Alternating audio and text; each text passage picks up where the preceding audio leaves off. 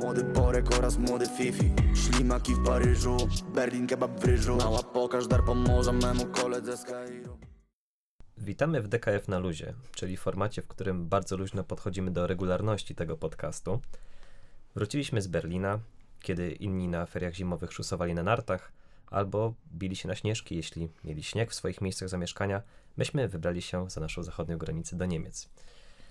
W ten sposób podsumujemy ten festiwal, a wraz ze mną uczynił to Patrycja Binek, Ciema. Ola Mąkowska Cześć. i Piotr Migdałek. Cześć. Ja się nazywam Adam Krośnicki-Mideń i y, najpierw może zacząłbym od y, krótkiej historii festiwalu, jak to się w ogóle dzieje, że Berlin jest y, takim wydarzeniem. Berlin jest zaliczany do mm, trójki najważniejszych festiwalów w Europie, zaraz po Cannes i Wenecji. Pierwsza edycja odbyła się w 1951 roku. Można zapytać, dlaczego ten festiwal jest tak ważny, a no mianowicie on tak troszeczkę y, ożywił, ocieplił y, kulturę filmową w Niemczech podczas y, zimnej wojny. Mm, Pierwszym seansem na tym festiwalu była Rebeka Alfreda Hitchcocka, ale tak naprawdę ten festiwal nie odbyłby się bez pomocy Amerykanów. Lata mijały, y, na festiwalu pojawiły się znamienite gwiazdy, Jury Skolimowski, Antonioni i dotarliśmy do 2022 roku, y, w którym ogłoszenia festiwalowe nas zaskoczyły, bo teraz zadam wam takie pytanie, pytanie sądę. Ile nazwisk reżyserów, reżyserek, które pojawiły się w line-upie, znaliście przed przybyciem do Berlina? To jest w ogóle, nie wiem dlaczego na mnie patrzysz, bo doskonale wiesz, jak wyglądały moje e, zakupy biletów w Berlinie. I Ja na przykład e, na filmy, na które pójdę i na e, swój dobór repertuaru decydowałam się jakieś 25 sekund przed rozpoczęciem rezerwacji biletów. A nierzadko o nazwisku reżysera dowiadywałam się dopiero wchodząc na salę kinową, więc można bezpiecznie powiedzieć 50-50 na rzecz statystyki.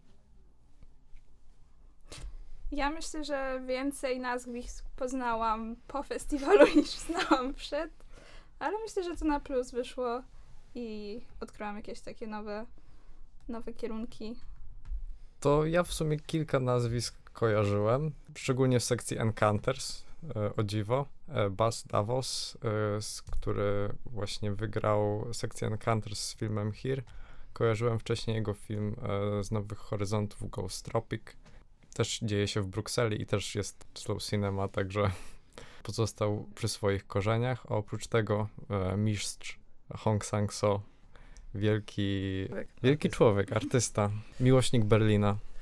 Tak, do y, nazwisk jeszcze wrócimy, ale ta licha statystyka mm, naszego rozpoznawania nazwisk y, nie powinna być y, czymś dziwnym, ponieważ w tym roku festiwal postawił przede wszystkim na debiutantów, a przynajmniej na odkrycia. W konkursie głównym znalazły się mm, nowe nazwiska, ale też właśnie w sekcji Encounters.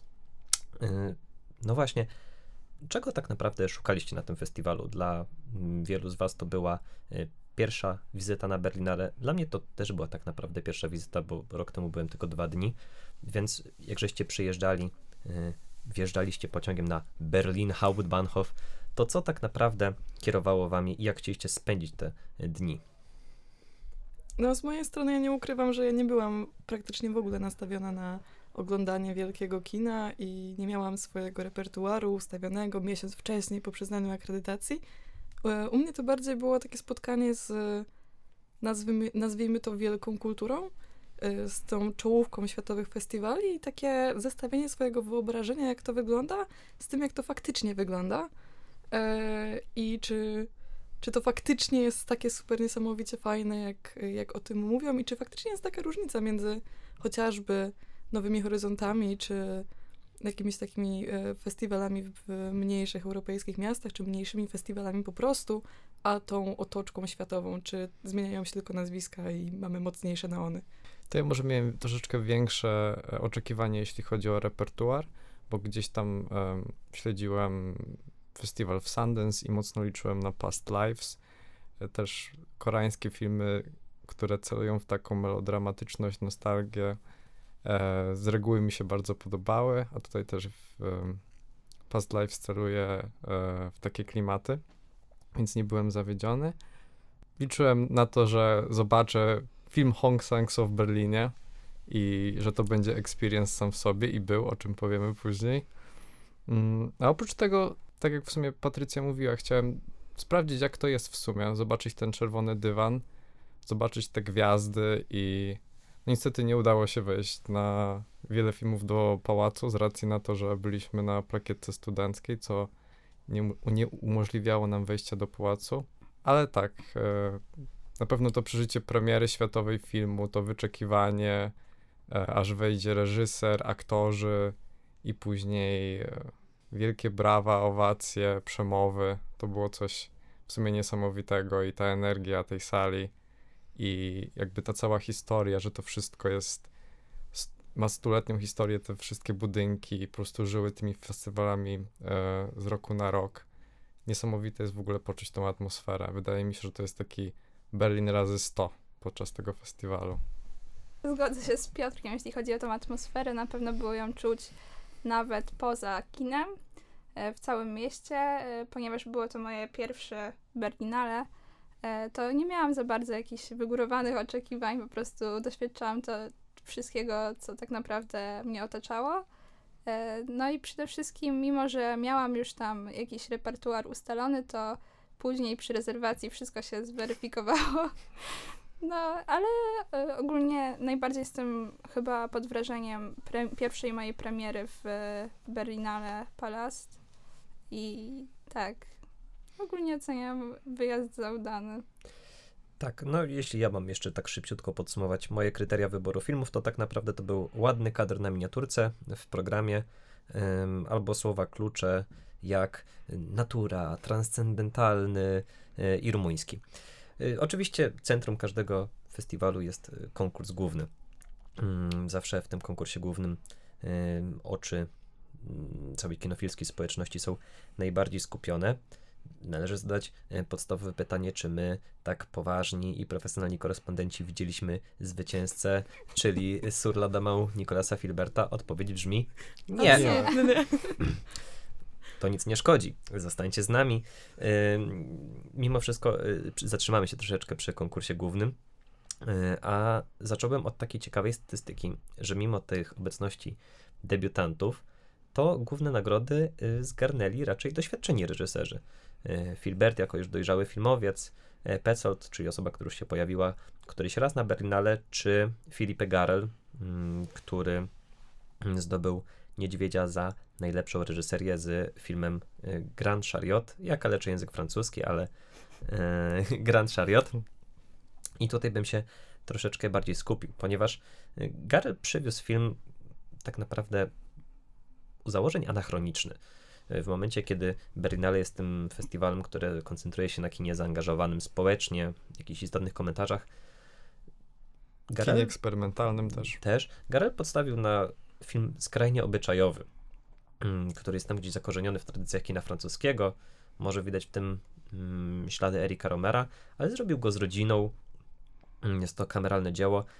Jak wy uważacie, czy ta nagroda dla mm, osoby, która miała w swoim koncie o wiele bardziej brawurowe dzieła, jest słuszną nagrodą za reżyserię, czy może jakimś właśnie takim sygnałem, że Berlinale za bardzo patrzy wstecz? E, Ja nie jestem dobrą osobą, żeby e, w ogóle decydować o tym, czy e, przyznanie jakiegoś, jakiejś nagrody za reżyserię jest dobre bądź złe, bo mam fundamentalny problem z definicją arcydzielności i kultem jednostki. Dlatego moim zdaniem powinno się oceniać tego typu, tego typu nagrody i tego typu decyzje jury nie tyle względem tego, jak to wyglądało w przeszłości, tylko względem tego, czy faktycznie za ten film on powinien utrzymać tę nagrodę. No moim personalnym zdaniem nie do końca. Natomiast wydaje mi się, że byłam w mniejszości, jeśli chodzi o y, opinię na temat tego filmu. Natomiast, no jak wspomniałam, nie wydaje mi się, żeby należało to rozpatrywać patrząc wstecz, kto dostawał te nagrody, kto ich nie dostał, tylko czy ta konkretna decyzja była decyzją słuszną w waszym mniemaniu. Mm, Moim zdaniem film był bardzo dobry i też wydaje mi się, że to była dosyć osobista historia dla Ga- Garela, ponieważ e, występowała tam trójka jego dzieci, ale oprócz tego również jego ojciec był lalkarzem, więc e, a historia jest oparta o właśnie taki wielopokoleniowy portret rodziny artystów teatralnych i uważam, że nawet jeśli by tego nie interpretować jako taką, nawet o tą osobistą historię, to i tak oglądało się to po prostu dobrze. Można było się tak przeżywać po prostu te wszystkie emocje razem z bohaterami. Powiedziałbym, że Garel zasługiwał na tę na tę statuetkę, ponieważ y, u tej z pozoru bardzo prostej historii jest gdzieś dużo takiej słusznej refleksji na temat y, różnicy pokoleniowej między dziećmi, a cały jeszcze, cały jeszcze element teatrzyku, kukiełek y, bardzo, bardzo ładnie mm, podsumowuje tę historię. Gdyby nie doskonałe, mm, powiedziałbym też, że zakrawające o arcydzieło Shadowless Tower, ale y, to tylko taka dygresja, mm, ponieważ rok temu Berlinale wygrało Alcaraz Carly Simon i takie filmy można było spotkać także w tym roku w konkursie. Y, Tutaj wydaje mi się, że Piotrek, twoim y, faworytem, jako w ogóle naczelnemu miłośnikowi Carly Simon jest film Totem. No właśnie, chyba dlatego nie do końca. Miałem wrażenie, że też e, właśnie Totem, e, drugi film Lili A- Avilés e, pojawił się jakoś tak głównie dlatego, że właśnie Carla Simon gdzieś siedziała w jury, ale też e, tutaj jesteśmy na świeżo całkiem po After Sun. To jest gdzieś taki e, crossover między After Sun a, a właśnie Alcaraz, gdzie w sumie tak naprawdę też troszkę widzimy świat z perspektywy dziecka, ale jest to nieco inny świat, mm, który bardziej wybrzmiewa przez taki pryzmat spirytualny i jakiegoś niepokoju, którego właśnie możemy doświadczać bardziej w filmach nawet Saury, niż e, w tej stylistyce takiej cukierkowej czy bardziej sielankowej, która towarzyszy filmom. I- Ale tutaj w sumie bardziej e, z tym, co mówisz, korespondował wybór właśnie El Eco w, w sekcji Encounters i selekcja tego filmu, gdyż uważam, że w sumie jest to bardziej surowsza i antropologiczna wizja po prostu kina Simon, gdzie w sumie w tym debiucie reżyserka wybrała po prostu tą społeczność i w taki całkiem naturalistyczny sposób po prostu przedstawiła, jak tam sobie ludzie żyją, jakie mają problemy i z czym się zmagają na co dzień. Także może, może to bym bardziej przyrównał do, do tego emocjonalnego spektrum czy wizji właśnie kina Carly Simon. Tak, zgadzam się, że na pewno El Eco mm, też podąża tym kluczem Carly Simon, ale jeśli byście chcieli z nami wejść w polemikę y, teraz lub też za kilka miesięcy, to pamiętajcie, że Totem znajdzie się w repertuarze festiwalu Nowe Horyzonty. Y, Tak, tutaj jeszcze Piotrek wspomniałeś o e, El Eco Tatiany Huezo, e, który każdy z nas widział na festiwalu i każdy z nas e, dzieli jakoś inne przemyślenie na temat tego filmu. Ja jestem raczej w kontrze do Piotrka nastawiony. Uważam, że Eleko jakkolwiek szczerze i wnikliwie y, wchodzi w mm, środowisko, które portretuje, to uważam, że jest już pewnym filmem od szablonu. Mm, Mam wrażenie, że oglądam kolejny właśnie film z generatora e, Carly Simon, który mógłby zdobyć nagrodę, a, a w sekcji samej Encounters znalazł się inny e, film, który który o wiele lepiej w ten sposób zagrał. No to jak dla mnie tutaj przeciwna opinia. Uważam, że mimo wpisywał się, Eleko wpisywał się w taki typowy nurt e, kina meksykańskiego, to mimo wszystko pod takim względem, doświadczeniem takim empirycznym i przeżyć po prostu tej wielowątkowej historii, można było wielowymiarowo spojrzeć na, na tą historię, na życie tych mieszkańców tej wioski. To ja mam w sumie e, poniekąd. On miałem dwa zarzuty do tego filmu. Jeden jest bardzo pokrewny z tym, co powiedział Adam, i to jest właśnie to, że ja oglądałam naprawdę bardzo ładną historię. E, bardzo, nie wiem, wnikliwą to jest dobre słowo historię, tylko że miałam, oglądając tę historię, miałam wrażenie, że ja widziałam wcześniej już 12 innych bardzo podobnych historii, na tyle do siebie podobnych, że nie jestem w stanie ich już roz- rozróżnić. To jest taki pierwszy główny zarzut. Ale druga, druga sprawa to jest takie, takie oko kina dokumentalnego. Bo e, zupełnie inaczej to odbieram. Nie uważam, że to było w jakikolwiek sposób wykalkulowane. Natomiast ja widziałam tę historię i w żaden sposób nie byłam się w stanie nawet nie tyle utożsamić, nie byłam w stanie poczuć tych emocji, które wiedziałam, że chcą ode mnie wyegzekwować, żebym ja je poczuła. No to jest kwestia takiego mm, wydaje mi się, że czułości doku- dokumentalisty. Czy ty chcesz faktycznie pokazać to życie, postawisz kamerę na środku wioski, to wszystko się dzieje i ty to beznamiętnie obserwujesz?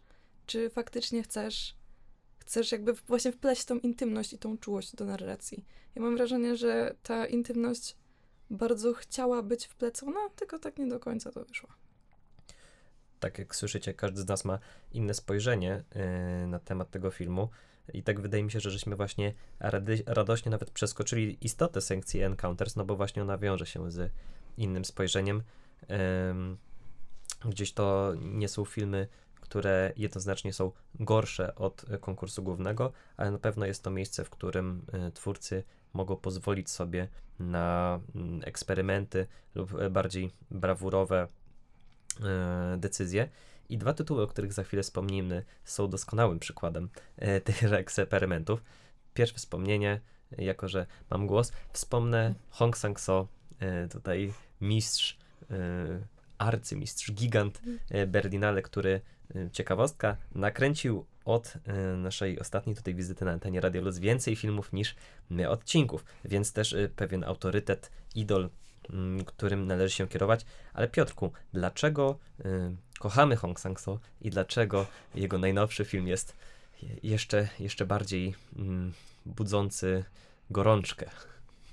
Myślę, że kochamy Hong Sang-so za jego spontaniczność, ponieważ wydaje mi się, że niewielu twórców, kiedy już praktycznie ma wszystko jakby przemyślane, pod kontrolą, już jakby zaczyna, zaczynamy e, nagrywki, on stwierdza, że jednak nagrajmy to out of focus. Po prostu. Nie, wydawało mu się koniecznie, żeby komukolwiek to powiedzieć, ani żeby tłumaczyć się widowni. On po prostu stwierdził, że on tak zrobił, bo tak czuł. I wydaje mi się, że to po prostu trzeba być giga, gigaczadem reżyserii, żeby po prostu stwierdzić, że on coś czuje i nie musi się z tego tłumaczyć, bo jakby to jest jego warsztat, to jest jego wiedza, to są jego umiejętności i niesamowitym przeżyciem bardziej niż oglądanie tego kolejnego zlepka dialogów o kryzysie twórcy out of focus było bardziej przeżycie tego spotkania właśnie e, z nimi, usłyszenie go po prostu jak opowiada o kinie, o swoich przeżyciach, o tym, jak robi filmy i o tym, jak pracuje z ludźmi. E, To u mnie to była troszeczkę w ogóle inna historia i tak mam taką w ogóle refleksję, że dlaczego ja tu siedzę, bo ja teraz jak o tym mówię, to e, ja mam wrażenie, że ja po prostu chodzę i narzekam. Ale ja w ogóle musiałam zostać namówiona tutaj przez kolegę Adama, żeby e, być na, na, filmie, e, na filmie Honga. E, I jego głównym argumentem, żeby mnie przekonać, żebym tam poszła, było patka, patka, choć to trwa tylko 60 minut. Moje pierwsze sprawdzenie godziny odbyło się po 17 minutach trwania tego filmu a następne były co jakieś cztery.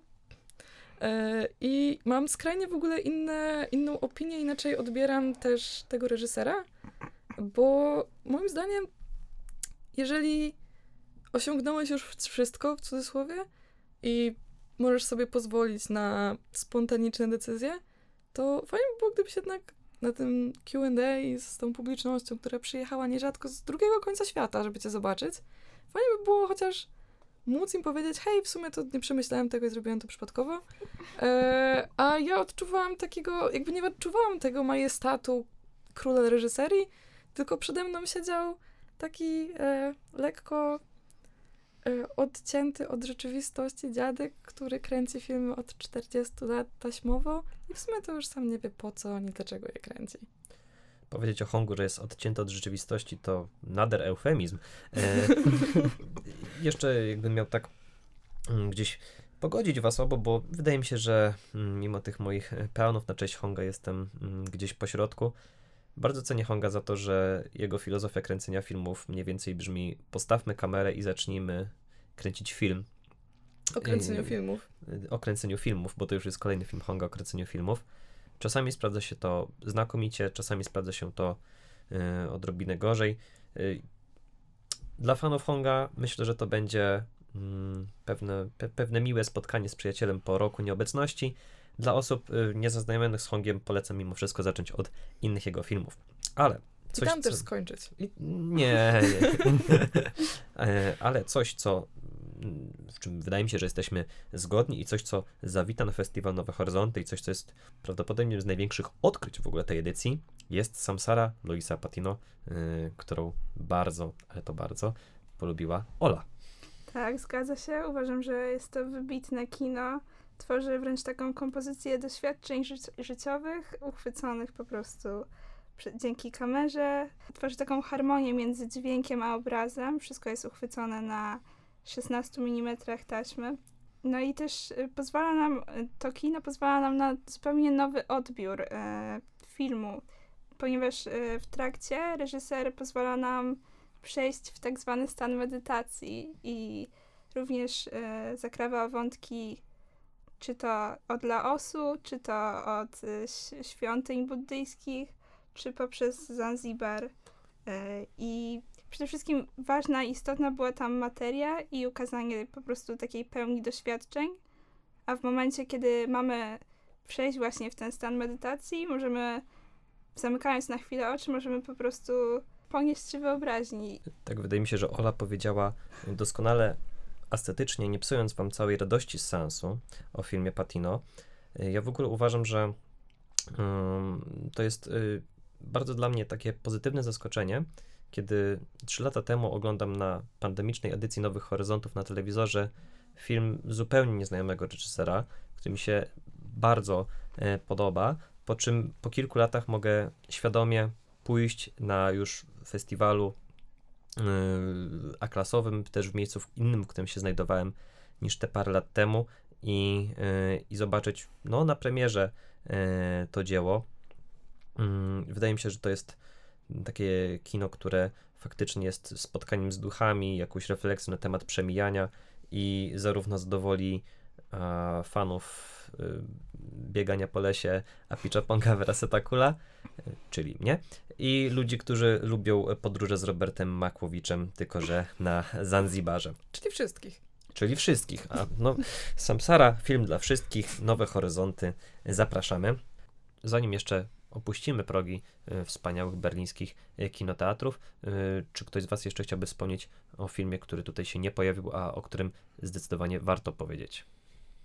To ja w sumie chciałbym jeszcze przywołać sylwetkę reżysera, którego znałem przed festiwalem, jak się okazuje, ale nie zdawałem sobie z tego sprawy, bo tak jak Adam, patrzyłem się głównie na obrazki w programie i też kierowałem się swoją miłością do kina azjatyckiego. Okazuje się, że Zhang Liu, który wcześniej zrealizował projekty takie jak Fukuoka czy Yanagawa, które mogliśmy oglądać podczas Nowych Horyzontów, bardzo przypadły mi do gustu. To w ogóle e, chiński reżyser, który kręci filmy w Korei, ale bardziej wpisuje się w nurt e, tego właśnie koreańskiego, nostalgicznego, a może nawet bardzo nostalgicznego kina. I tak również było w Shadowless Tower, które e, skradło nam trochę serce swoją metaforyką, monumentalnością i w sumie taką e, delikatnością w przedstawianiu e, uczuć i może nawet taką skrupulatnością w portretowaniu pewnych delikatnych materii, które można przedstawić na ekranie. Ja zostałam namówiona e, przez moich wspaniałych towarzyszy, żeby się udać na ten film. Zresztą sam, e, sam opis też mnie tak dość mocno zachęcił i stwierdziłam, że dam po raz kolejny szansę kinu azjatyckiemu. A trzeba powiedzieć, że ja się z kinem azjatyckim nie lubię historycznie i co festiwal stwierdzam, że tym razem to już będzie to i za każdym razem to nie jest to. I w kuluarach naszego pokoju mówiło się, że hej, ten film jest trochę jak Drive My Car. I ja jestem jedną z tych osób, która wystawiła Drive My Car solidną piątkę. E, no i jak wyszłam z, z Shadowless Tower, naprawdę, jeżeli lubicie Drive My Car, to naprawdę polubicie się z Shadowless Tower. Natomiast jeżeli Drive My Car i te trzy godziny oczywiście wielkiego kina się wam dłużyły niemiłosiernie, to możecie sobie na przykład, nie wiem, poszydełkować w tym czasie i też będzie fajnie. Zdecydowanie szydełkowanie jest zajęciem zacnym, cnotliwym, ale ja na przykład wychodziłem z takiej pozycji, że nie lubiłem Drive My Car, dałem mu 5 i to nie na portalu Letterboxd, ale na Filmweb, więc połowa skali, ale dałem szansę yy, Shadowless Tower i dla mnie jest to najlepszy film festiwalu, o czym już tam napomknąłem poprzednio.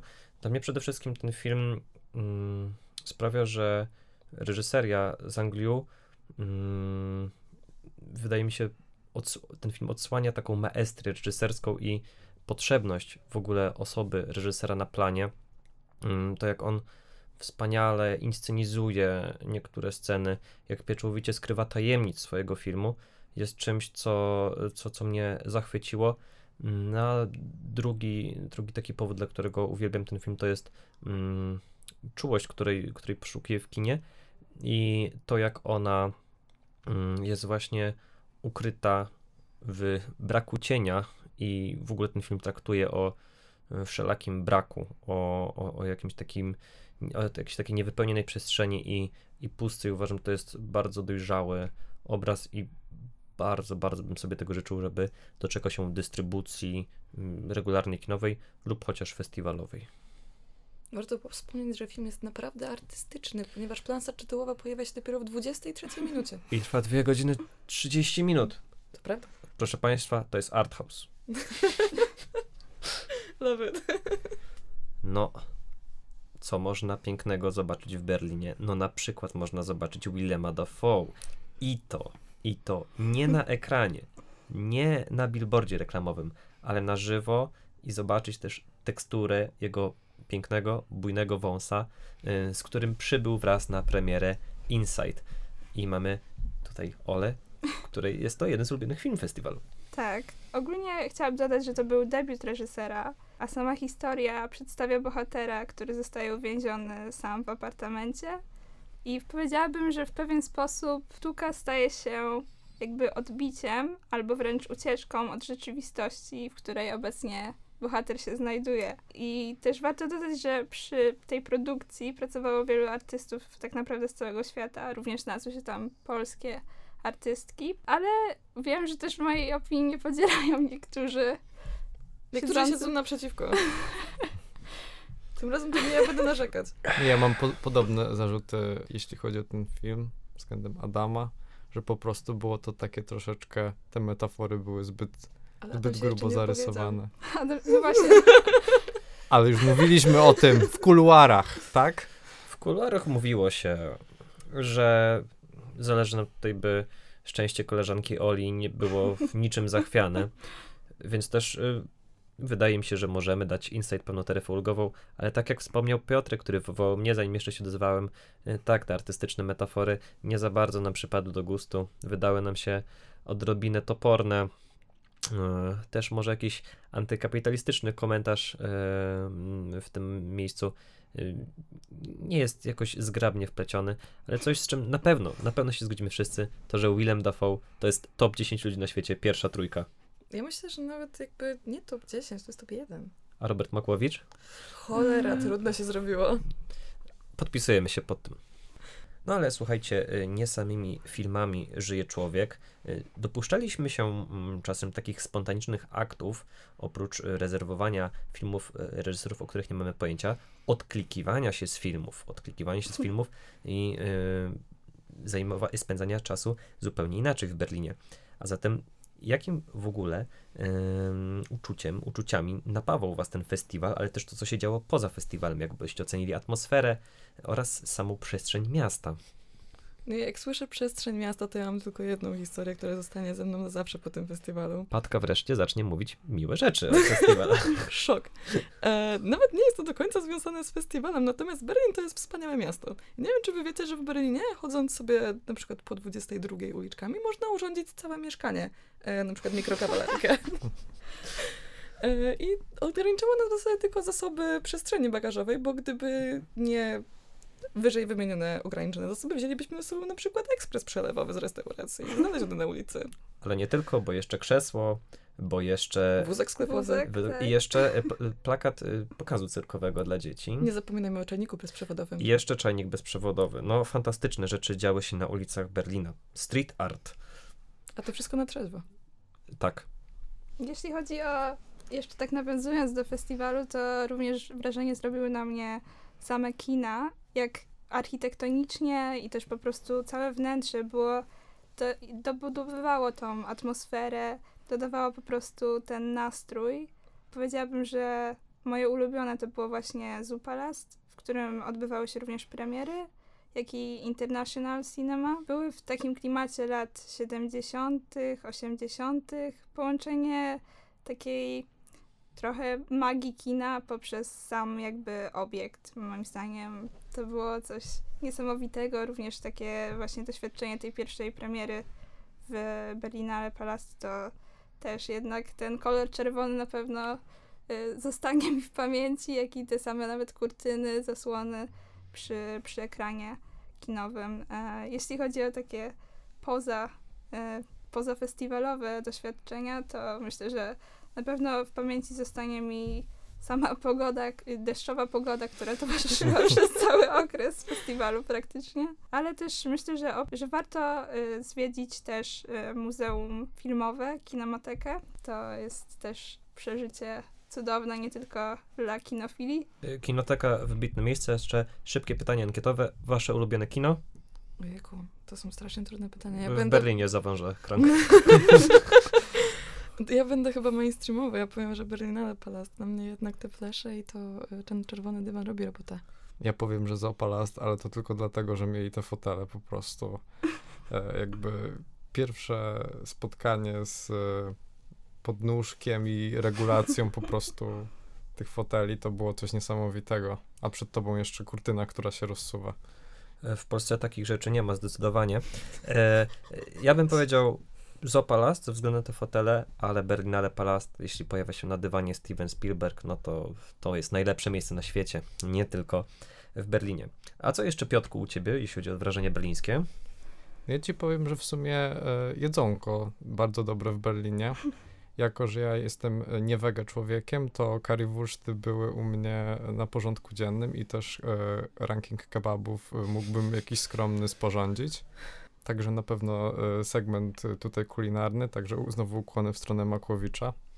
I tak naprawdę spacerki w Berlinie. Wydaje mi się, że z jednej strony troszeczkę popatrzyłem na Berlin, bo te spacerki między kinami to były gdzieś takie niezbadane dla mnie przestrzenie jeszcze, w które nie udało mi się dotrzeć, będąc e, tak stricte już turystycznie wcześniej. Więc no, na niektórych, w niektórych dzielnicach można zobaczyć więcej lisów czy zajęcy e, o, o, o późnych czy nawet popołudniowych godzinach niż ludzi, co w sumie było całkiem e, piękne, bo wydawało mi się, że, że Berlin to taka miejska dżungla, a okazuje się, że to po prostu dżungla. A ja jeszcze od siebie dodam coś, co było dla mnie mm, dużym zaskoczeniem i czymś, czego w ogóle nie planowałem. Mianowicie towarzyszącą festiwalu, e, festiwalowi atrakcją była wystawa obrazów Jerzego Skolimowskiego. Mm, a ja, jako osoba, która ilekroć pojawia się w budynku Radia Luz, wypowiadam słowa Jerzy Skolimowski. Wspomnę także, że Jerzy Skolimowski, oprócz tego, że robi świetne filmy, to maluje też bardzo ładne obrazy. Nie da się ukryć. No, nie widzicie tego, ale to było ach, sztuka. Sztuka, proszę Państwa. Mm, Zgadzam się. Potwierdzam. No Skoro żeśmy się już tak wszyscy poklepali po, kle, po pleckach jako taki optymistyczny akcent, wydaje mi się, że możemy mieć już ku końcowi. Mm, Do usłyszenia w niedalekiej przyszłości, a na pewno szybciej niż nowy film Hong Sang-so. Dziękuję Wam bardzo za dyskusję i wymianę wrażeń o Berlinale. Wraz ze mną była Patrycja Winek? Ola Mankowska. Piotr Migdałek. Adam Krośnicki-Midyń. Dziękuję Wam za wysłuchanie i do usłyszenia.